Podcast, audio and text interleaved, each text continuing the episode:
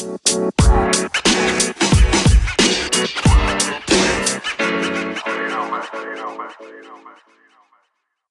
dag og velkommen til et uh, nytt webinar uh, Moon Invest. Uh, mitt navn er Even Krohn Pettersen. Og med meg i dag så har jeg Jon Nerseth. Så, ja, så tenkte jeg at vi skulle gå igjennom litt sånn markedskommentar og, og, og, og si litt om om våre tanker om, om forvaltningsstrategi. Eh, men før vi begynner, så vil jeg bare eh, minne om at det er en sånn Q&A-knapp på skjermen deres. Der kan dere stille spørsmål til oss. De spørsmålene vil vi da få direkte inn, og svare på de mot slutten av webinaret. så det er òg en sånn chat-funksjon som har samme funksjon. sånn at der kan dere òg Eh, legge inn spørsmål eh, eh, hvis dere vil. og så skal vi ta det etter hvert. Men for å hoppe rett til dagens tema, så skal vi snakke litt om hvordan det går i markedet. Nå har børsene steget jevnt og trutt i hele år. Og, det gjør at mange begynner å bli litt sånn skeptiske til nivåene og prisene og, og, og sånne ting. Eh, så det skal vi òg eh, selvfølgelig kommentere. Men før det så, så, vil jeg bare si at eh, overskriftene sånn som vi ser det, er uh, for det første at uh, hvis vi ser på den underliggende økonomien i, i verden, da, så er det for, selvfølgelig forskjellige land og forskjellige nivåer rundt omkring. Men hvis vi ser på global økonomi, så ser vi nå at eh, veksten har tatt seg kraftig opp etter at verden stengte ned i fjor. Eh, og nå ser vi jo eh, globale eh, veksttall for økonomien som er, som er relativt høye. altså Vi snakker sånn 5-6-7 eh, rundt omkring. Eh, og, og, og, det er nok eh, håper jeg, toppen på gjeninnhentningsnivået, for å kalle det det. Men når det er sagt, så, så eh, jeg leser forskjellige analyser, så, så, er de fleste enige om at det, det er få tegn til at global økonomi skal krasje eller stoppe opp eller gå mot en ny stor nedtur. Eh, og, og, hvis vi eh, tar det som en, som en viktig forutsetning, så, så er det òg sånn at eh, historisk sett så har børsene sjelden falt mye uten at eh, den underliggende økonomien er fallende. da. så hvis økonomien klarer seg, så, så bør òg børsene klare seg relativt bra. En annen ting som vi kommer litt tilbake til om litt, er, er renter og inflasjon. Eh, renter steg eh, ganske mye nå de siste månedene, men det òg har stoppa litt opp i alle fall nå enn så lenge. da. Eh, rentene forventes til å komme fremdeles noe opp, spesielt mot slutten av året. Men eh, ikke, det forventes ikke noen sånn veldig kraftig oppgang. Eh, så må vi si bitte litt om covid-situasjonen, for det er jo et tema som fremdeles preger verden totalt. Og der er det sånn at det er stadig nye mutasjoner. Eh, vi ser eh, forskjellige eh, vekstrater i forskjellige land tar seg opp, og så går det ned, og så går det opp, og så går det ned. Og, og nå ser vi at det er, det er ny vekst òg i, i, flere land med, med, et par nye mutasjonstyper. Men det som er, er trenden, er, er at sykehusinnleggelser og dødelighet stiger ikke like mye. og det er jo en, en særdeles viktig forskjell fra eh, sånn som det så ut der som det sto eh, på denne tiden i fjor. Eh, så eh, hvordan dette her har slått ut på global økonomi, er eh, som jeg eh, nevnte innledningsvis, så kan du si at når ting ble stengt ned i fjor, så så vi gjennom sommeren i fjor og litt utover høsten at økonomiske veksttall stupte. Stupte eh, egentlig sånn historisk mye. Eh, og, og, det er jo ikke så rart, for at eh, ting stengte ned, og, og bedrifter måtte stenge døra og, og, permittere ansatte osv. Eh, dette her har nå tatt seg kraftig opp, selv om verden ikke er tilbake til normal ennå. Så har det tatt seg eh, kraftig opp, da. Eh, og det ser vi òg av både økonomiske veksttall, men òg av jeg, andre tall, eh, som f.eks. om eh, inntjening i selskapene osv. Om de overrasker på oppsiden eller på nedsiden. Eh, og Det ser veldig bra ut i store deler av verden, med et hederlig unntak, og det er Asia, spesielt Kina.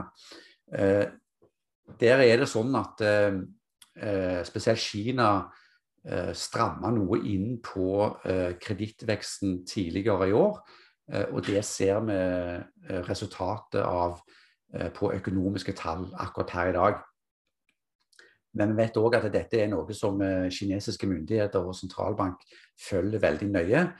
Og det forventes at der vil både sentralbank og myndigheter sette i gang ytterligere stimulanser, sannsynligvis andre halvår i år. Så gitt at det tar seg opp, så så, så ser egentlig bildet for global økonomi ganske bra ut.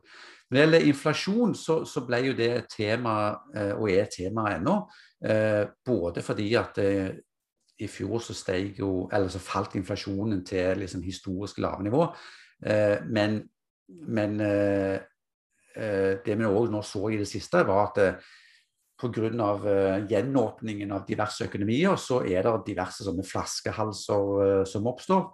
Eh, her i Norge så har vi jo sett at uh, f.eks. Uh, byggematerialer har hatt en vanvittig prisvekst det siste året spesielt, og siste månedene enda mer.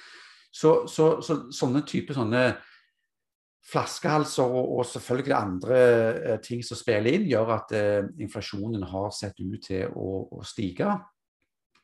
Eh, men her òg så ser vi nå de siste ukene at sånn, hvis vi ser eh, spesielt USA, men også globalt, så, så, så, ser det ut til å ikke komme ut av kontroll, for å si det sånn. da.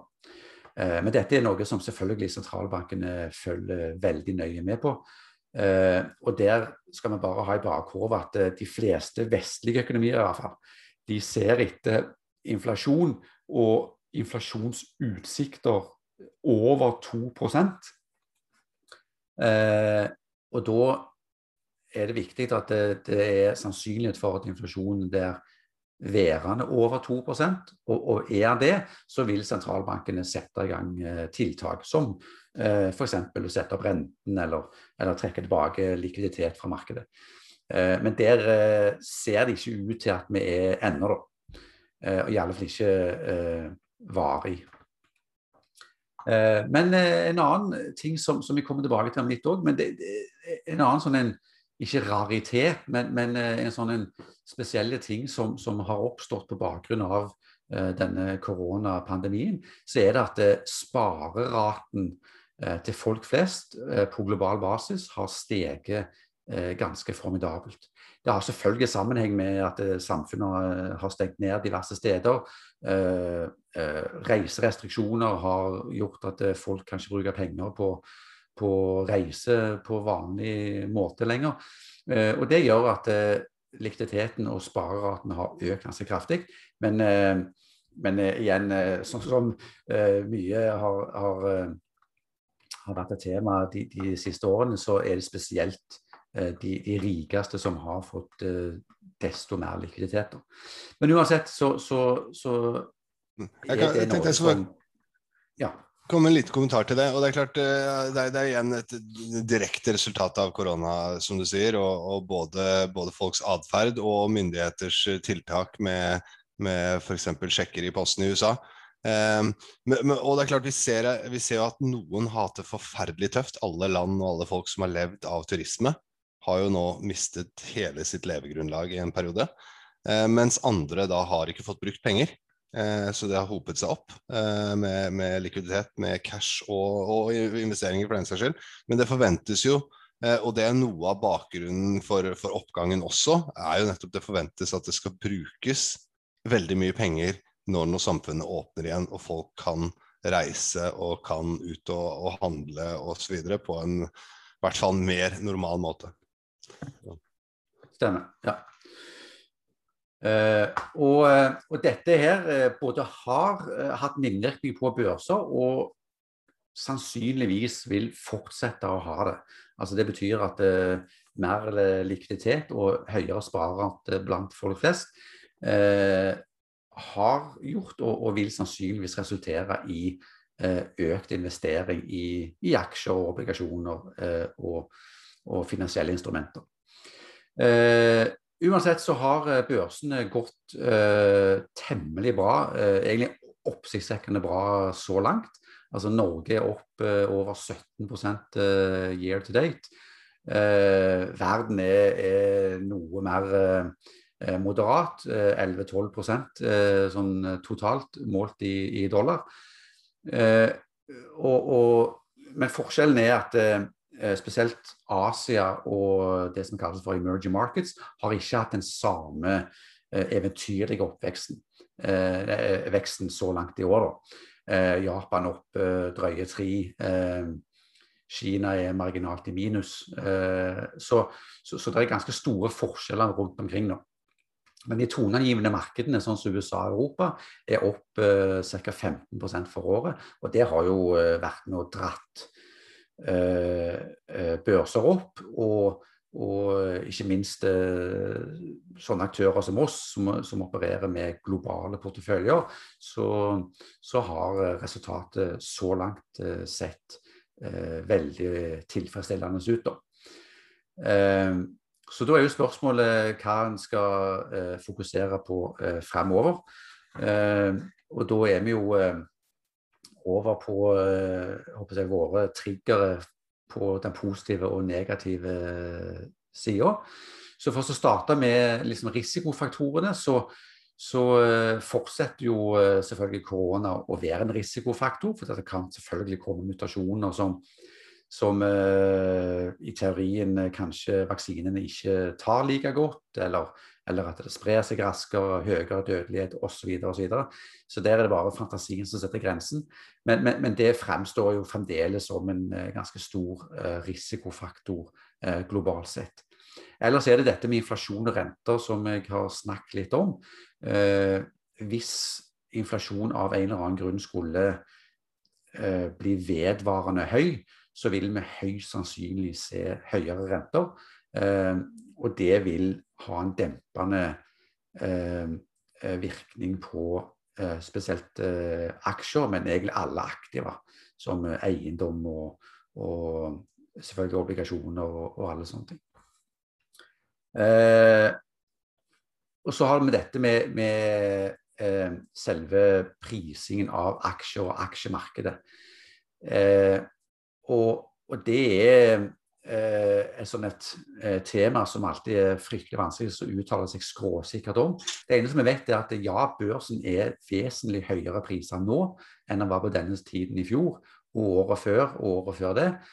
Eh, og hvis vi ser på pris over inntjening, pris over bokførte verdier og sånne ting, så begynner børsene å bli eh, relativt, kall det modent eh, priser. da.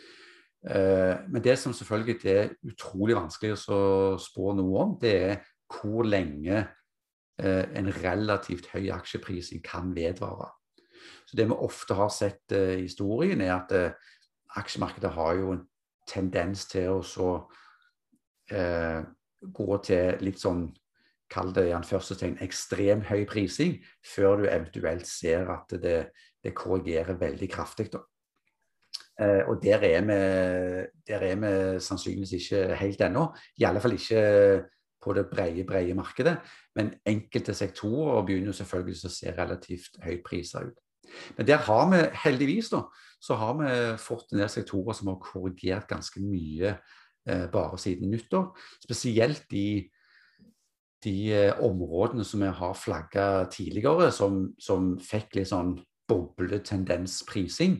Altså type eh, disruptive teknologi, eh, det som fikk sånn stempel for å være grønne aksjer, eh, den type ting.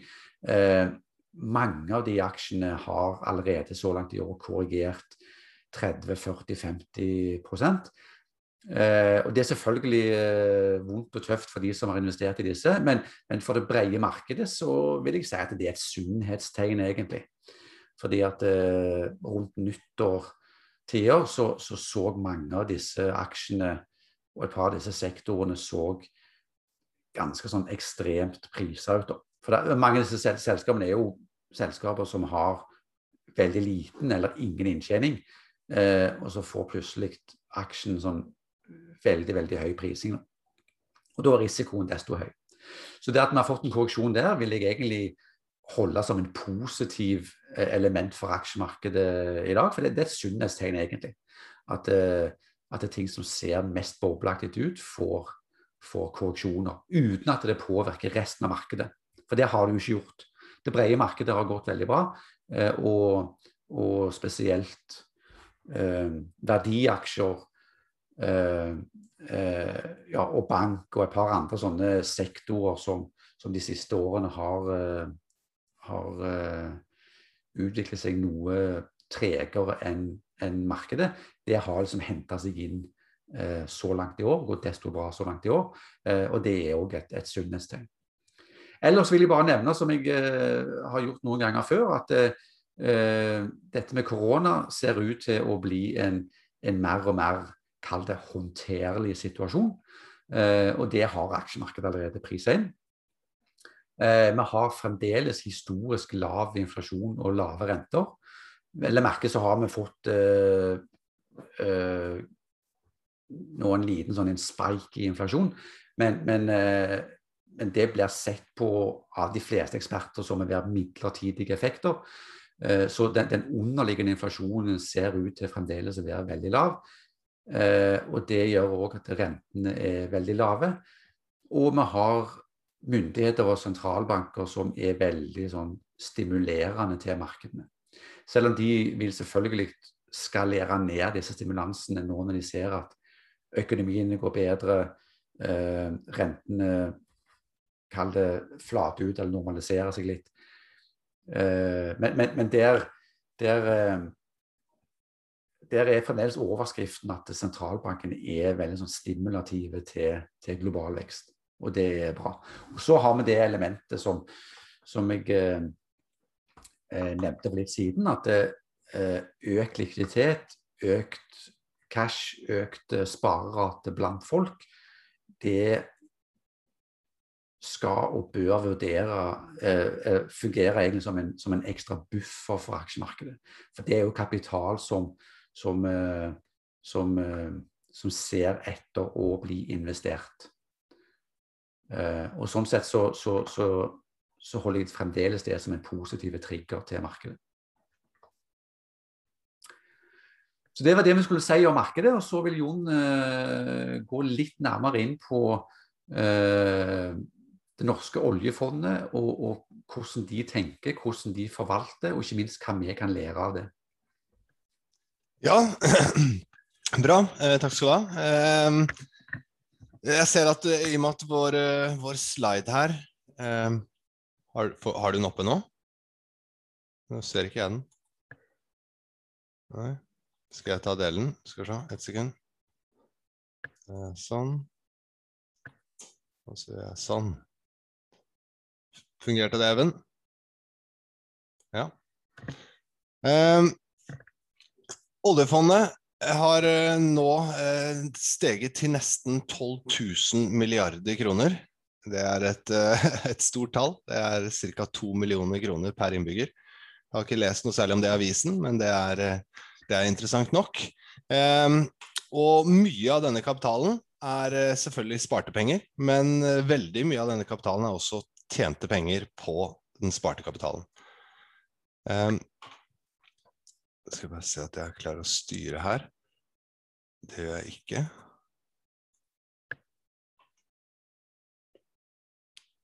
Even, kan du si om, du, om jeg ser riktig her nå?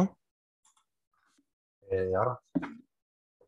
Vi ser eh, jeg, jeg, kan ta den opp, jeg. Eh, jeg tror du må ta den opp.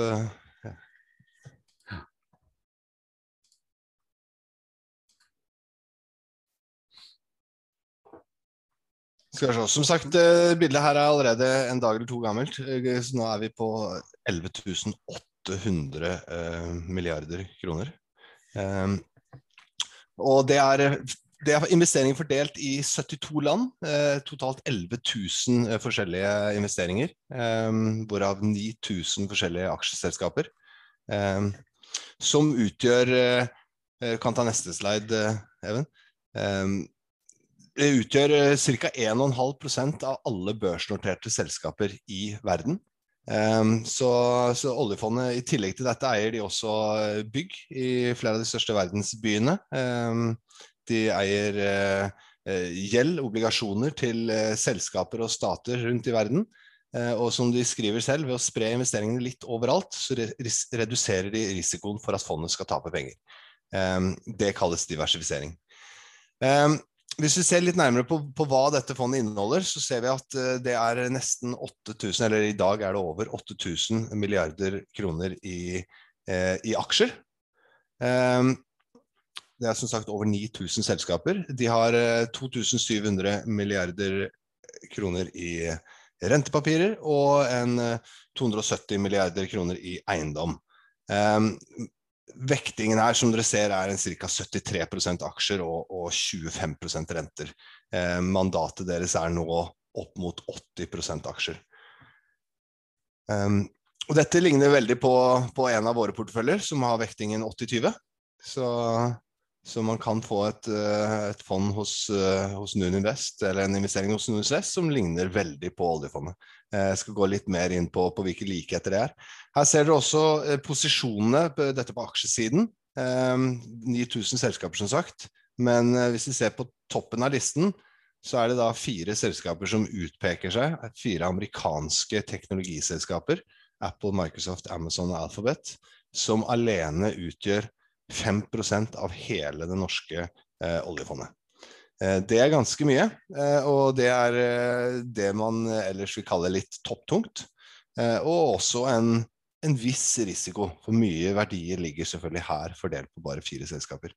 Det er også noe som vi tar hensyn til i, i NUN. Og oljefondet har også det kan jeg også si, oljefondet har også tatt hensyn til uh, vektingen i, i, nettopp disse selskapene da um, oljefondet setter opp sin egen indeks, eh, og der er de rett og slett eh, undervekt eh, noen av disse selskapene totalt sett. Um, ja, jeg, jeg kan bare være med og skyte inn. Altså, for det er, jo, det er jo et spørsmål som vi ganske ofte får.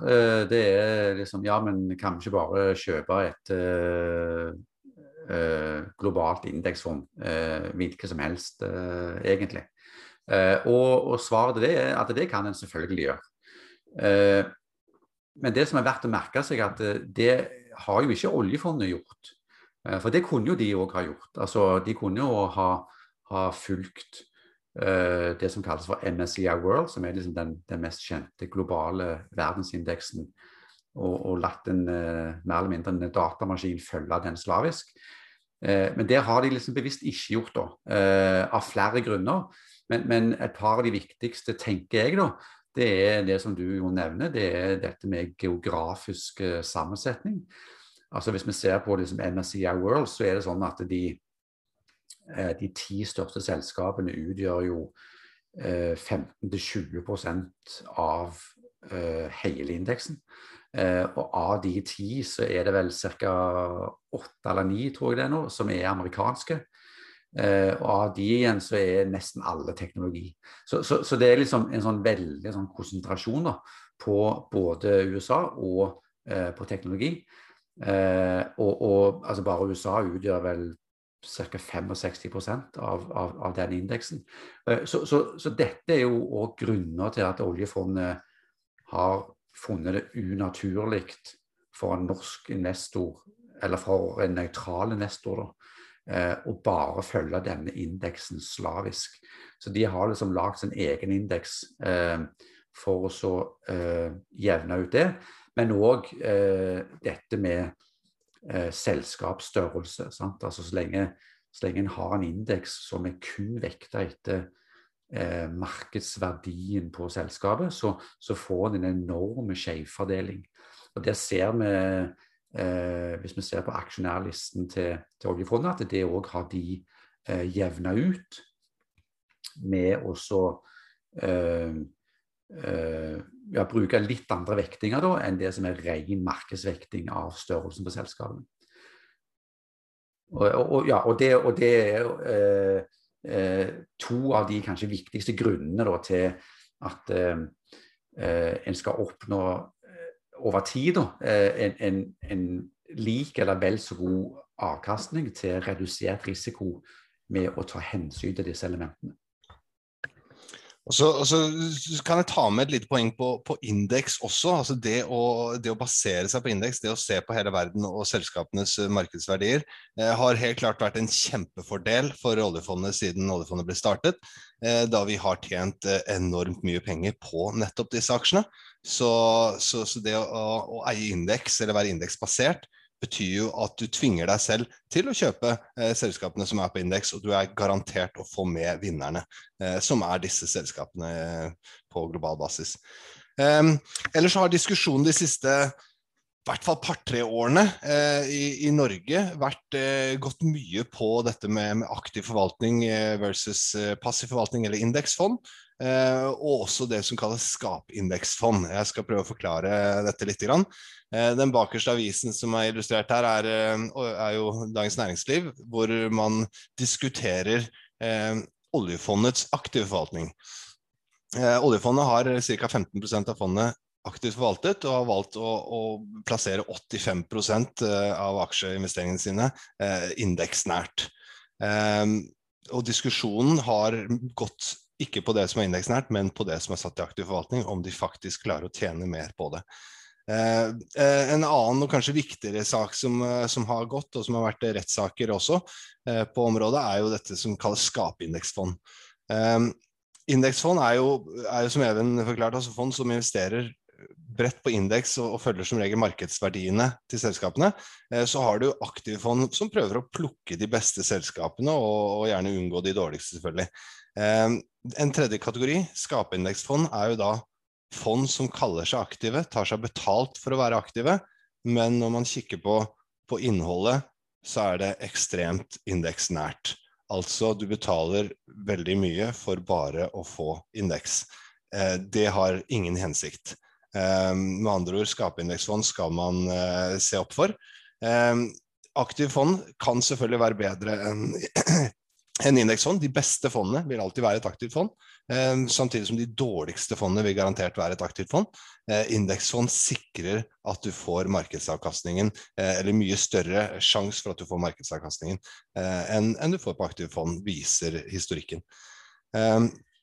kan hoppe videre her. Oljefondet har, har sett på, på dette og, og har av den grunn valgt å å, å, plassere såpass mye som 85 av, eh, av forvaltningen sin indeksnært, eller eh, sammenfallende med sin, eh, sin referanseindeks.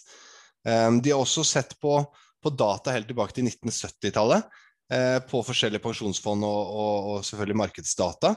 Og, og, de er ikke alene om denne konklusjonen, men, men konklusjonen er at å rebalansere porteføljen over tid har gitt et vesentlig bedre forhold mellom avkastning og risiko.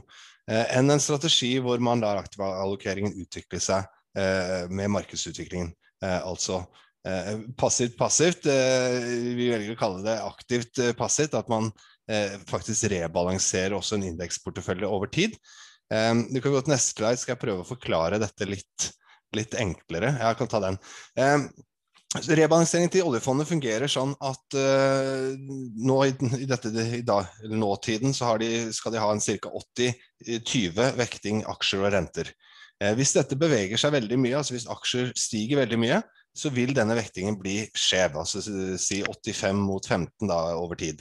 Uh, da sier reglene deres at da skal man selge seg tilbake igjen til 80-20-vektingen. Altså man selger aksjer og da kjøper renter i det tilfellet.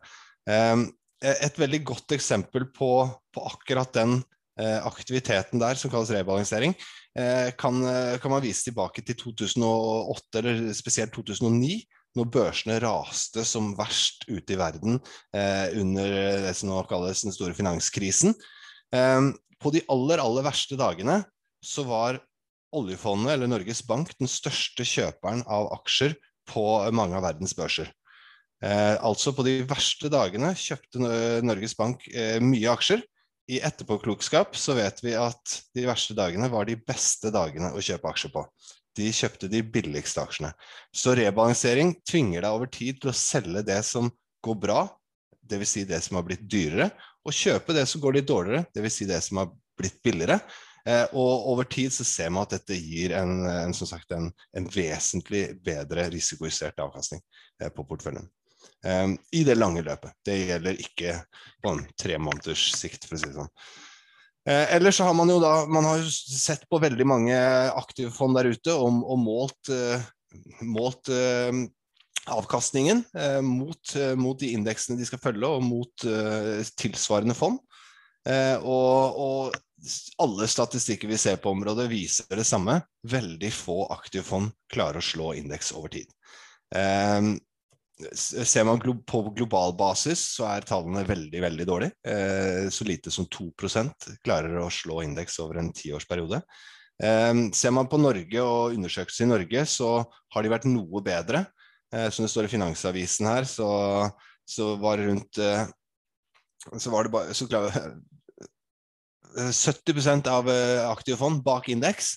Altså 30 klarte å, å slå indeks. Eh, dette overrasket en professor som eh, så på saken. Eh, jeg kan nok dele en tilleggsinformasjon der om at statistikken lyver i favør for de aktive fondene. Over en tiårsperiode så har de dårligste fondene blitt lagt ned. De er ikke med i statistikken, ergo får du en skjev statistikk. Så det er en stor fare for at disse tallene er enda dårligere enn det vi ser ganske logisk. Når du har høye kostnader, så må du gjøre det vesentlig bedre markedet for å bare holde tritt med markedet. Um, og Derfor så ser vi også uh, de siste spesielt ti årene så har det vært en ganske formidabel utgang fra tradisjonelle aktive fond uh, og parallell inngang i såkalt indeksfond.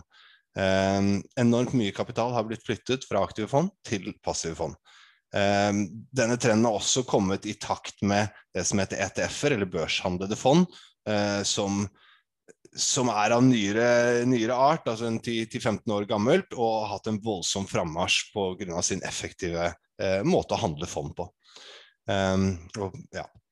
Eller så kan man jo si eh, et spørsmål vi får mye. Hva med, hva med vinnerfondet? Man hører alltid om det og det fondet som har gjort det fantastisk bra, og fem stjerner hos Morningstar er som regel et, et bra stempel. Eh, det betyr at man er blant de 10% fondene som har gjort det aller, aller best i sin kategori. Eh, altså mot sin indeks og mot sine sammenlignbare fond. Eh, får man én stjerne, så har man vært blant de 10% dårligste i sin kategori. Og man har da målt disse såkalte femstjernersfondene hvordan har det gått de neste fem årene med alle disse som har fått fem stjerner opp gjennom eh, årene? Eh, og det vi ser at eh, over en femårsperiode, altså fem, fem, år senere, så har bare 12% av femstjernersfondet klart å beholde sine fem stjerner. Og 10% har rykket ned til én stjerne, altså blant de aller dårligste fondene. Med andre ord, historisk avkastning er en veldig dårlig pekepinn på framtidig avkastning. Um, og da er, det, da er, det, jo mye enklere å gjøre som Warren Buffett sier. Um, han sier at hvis man sparer månedlig, eller sparer fast i uh, et indeksfond, så vil man sannsynligvis gjøre det bedre enn de aller fleste profesjonelle forvaltere over tid. Uh, og det sier en av verdens beste forvaltere, uh, som jeg har kanskje sagt det på, på, webinar tidligere, men han har uh, uttalt at uh, 90% av arven til hans frue, hvis, hvis hun lever lengst, eh, skulle gå til Eller skal plasseres i et indeksfond. SMP 500-indeksfond. Um, ellers er det noe å tenke på. Er det noe man bør ta hensyn til når man skal kjøpe indeksfond? ja, det, det, er veldig mange ting, det er veldig mange faktorer. Eh, pris er jo en åpenbar, det er en veldig tydelig eh, faktor. Eh, men, men, vi ser også på veldig mange andre ting, som selvfølgelig skattehensyn, men også likviditet, som også er både en, en kostnad og en risiko. eh, valuta og, og, og, som Even nevnte tidligere, hva slags, hva slags, vektinger har man, hva slags bransjer og, og geografi eh, representerer dette. Eh, og vi kan også tilføre andre faktorer, eh, som, som, ESG, som er jo dette litt grønne skiltet. Um, og også, som vi brukte litt under når det stormet som verst i fjor, har vi hatt det som heter minimum volatility, som er en mulighet for å ta bort noen av de aksjene som svinger aller mest, på en, en roligere utvikling. Ehm, så, det er forskjellige faktorer og forskjellige typer hva skal jeg si, um, forskjellige typer fond som, eh, som, vi mener er aktuelt å bruke. og vi, vi, ser på alle disse faktorene samtidig når vi skal vurdere hvilke vi synes er best å benytte seg av. Um, ja. ja. så bra. Uh, da vil jeg eh, til slutt uh, bare komme med en liten sånn en, en liten sånn en kommentar for oss som liksom jobber i denne bransjen. for at Eh, ofte så føler jo eh, jeg, eller vi som har holdt på med dette her noen år, at eh, en av våre viktigste oppgaver er jo å, å, å styre eller geleide våre kunder eh, som best vi kan i, i, oppturer og nedturer. Og en av de tingene som jeg vil trekke fram, er jo dette med eh, risiko og risikoprofil. og, og hvordan en bør investere. For det er en gang sånn at Når markedet har gått bra veldig lenge, så blir de fleste veldig glad i å ta økt risiko. Eh, og Det er jo fordi at eh, en har sett at eh, det har gått bra, og en hører at naboen snakker om hvor mye penger en har tjent på børs osv. Så, videre, så, så når markedet er sånn som det er nå, så, så, så føler jo gjerne vi at vi må liksom minne våre kunder på Eh, at eh, liksom risikoen en tar ved å investere, er noe en skal ta ut ifra eh, hva, en, hva, som er investeringshorisonten, investeringsformålet, risikotoleransen en har personlig osv. Eh, og der, som Jon sier, så har vi snakket mye nå om oljefondet, som gjerne har en sånn 80-20-sammensetning av aksjer og renter. Det er noe som vi i vår verden ville kalt en, en, en vekstportefølje. Eh, og den eh, passer veldig mange, men den passer ikke alle. For den vil òg ha ganske eh, kraftige svingninger når, når, børsen svinger. Da. Så som jeg sier, med, med Vår oppgave er jo gjerne å eh, minne folk på at uh, ting går bra uh, når markedet faller, og, og, ikke minst at når markedet stiger sånn som det er nå, så må vi huske på å ikke eh, kaste oss på alt det som står i avisen og, og, og ta for høy risiko. Og iallfall ikke risiko som en ikke forstår eh, utfallet av. Eh, men det er jo eh, ja. Skyte inn der også at eh, det er klart eh, og, og, det er jo her vi kommer inn også som forvalter, er jo at vi, vi følger med dette fra dag til dag. Og, og vi vil jo gjøre disse Eh, byttene og rebalanseringen over tid. Eh, så man kan være trygg på at porteføljen alltid er eh, passet på av si, profesjonelle og, og, og er si, riktig innstilt for, for, for, der vi er i dag. Så, ja. ja, stemmer. Så, så, hvis vi trekker litt, sånn litt lange linjer ut ifra våre risikoprofilmodeller og så ser hvordan det har fungert uh, over tid, og da snakker vi sånn 10-15-20 år, så, så, stemmer det veldig godt med teori. Eh, og Det betyr at eh, lav risikoportefølje gir en jevnere, men lavere avkastning over tid. Men det svinger òg mindre enn en høyrisikoportefølje, som da gir høyere avkastning over tid, men svinger vesentlig mer. Og Da skal han liksom tåle de svingningene, om en skal ha den type portefølje. da. Eh, disse tingene går selvfølgelig an å endre underveis osv., så, videre, så Så det hjelper jo vi våre kunder med. Uansett, eh, eh, vi har kommet eh, til veis ende for det vi ville dele med dere i dag. Eh, jeg vil bare minne om at eh, dette legger vi ut på bloggen i videoform, og for så vidt òg som en podkast for de som heller foretrekker å lytte på det i bilen eller, eller mens en går og gjør andre ting. Eh, det er oppsiktsvekkende få spørsmål i dag. Det har kanskje noe med at folk har tatt sommerferie, eller at vi, vi har vært så tydelige i det vi sa at det ikke er noen spørsmål. Men eh, ikke fortvil. Eh, dere kan alltid sende spørsmål inn til oss, enten med mail eller chat eller, eller ringe eller hva som helst. Så, eh, så skal vi svare ting fortløpende eh, så godt vi kan. Eh, så da gjenstår det egentlig bare å ønske alle en riktig god sommer. Og så tenker jeg at eh, neste webinar blir litt ut i august. og så satser vi på at børsene går minst like bra fram til det. Da sier jeg bare takk for oss. Takk, takk for nå.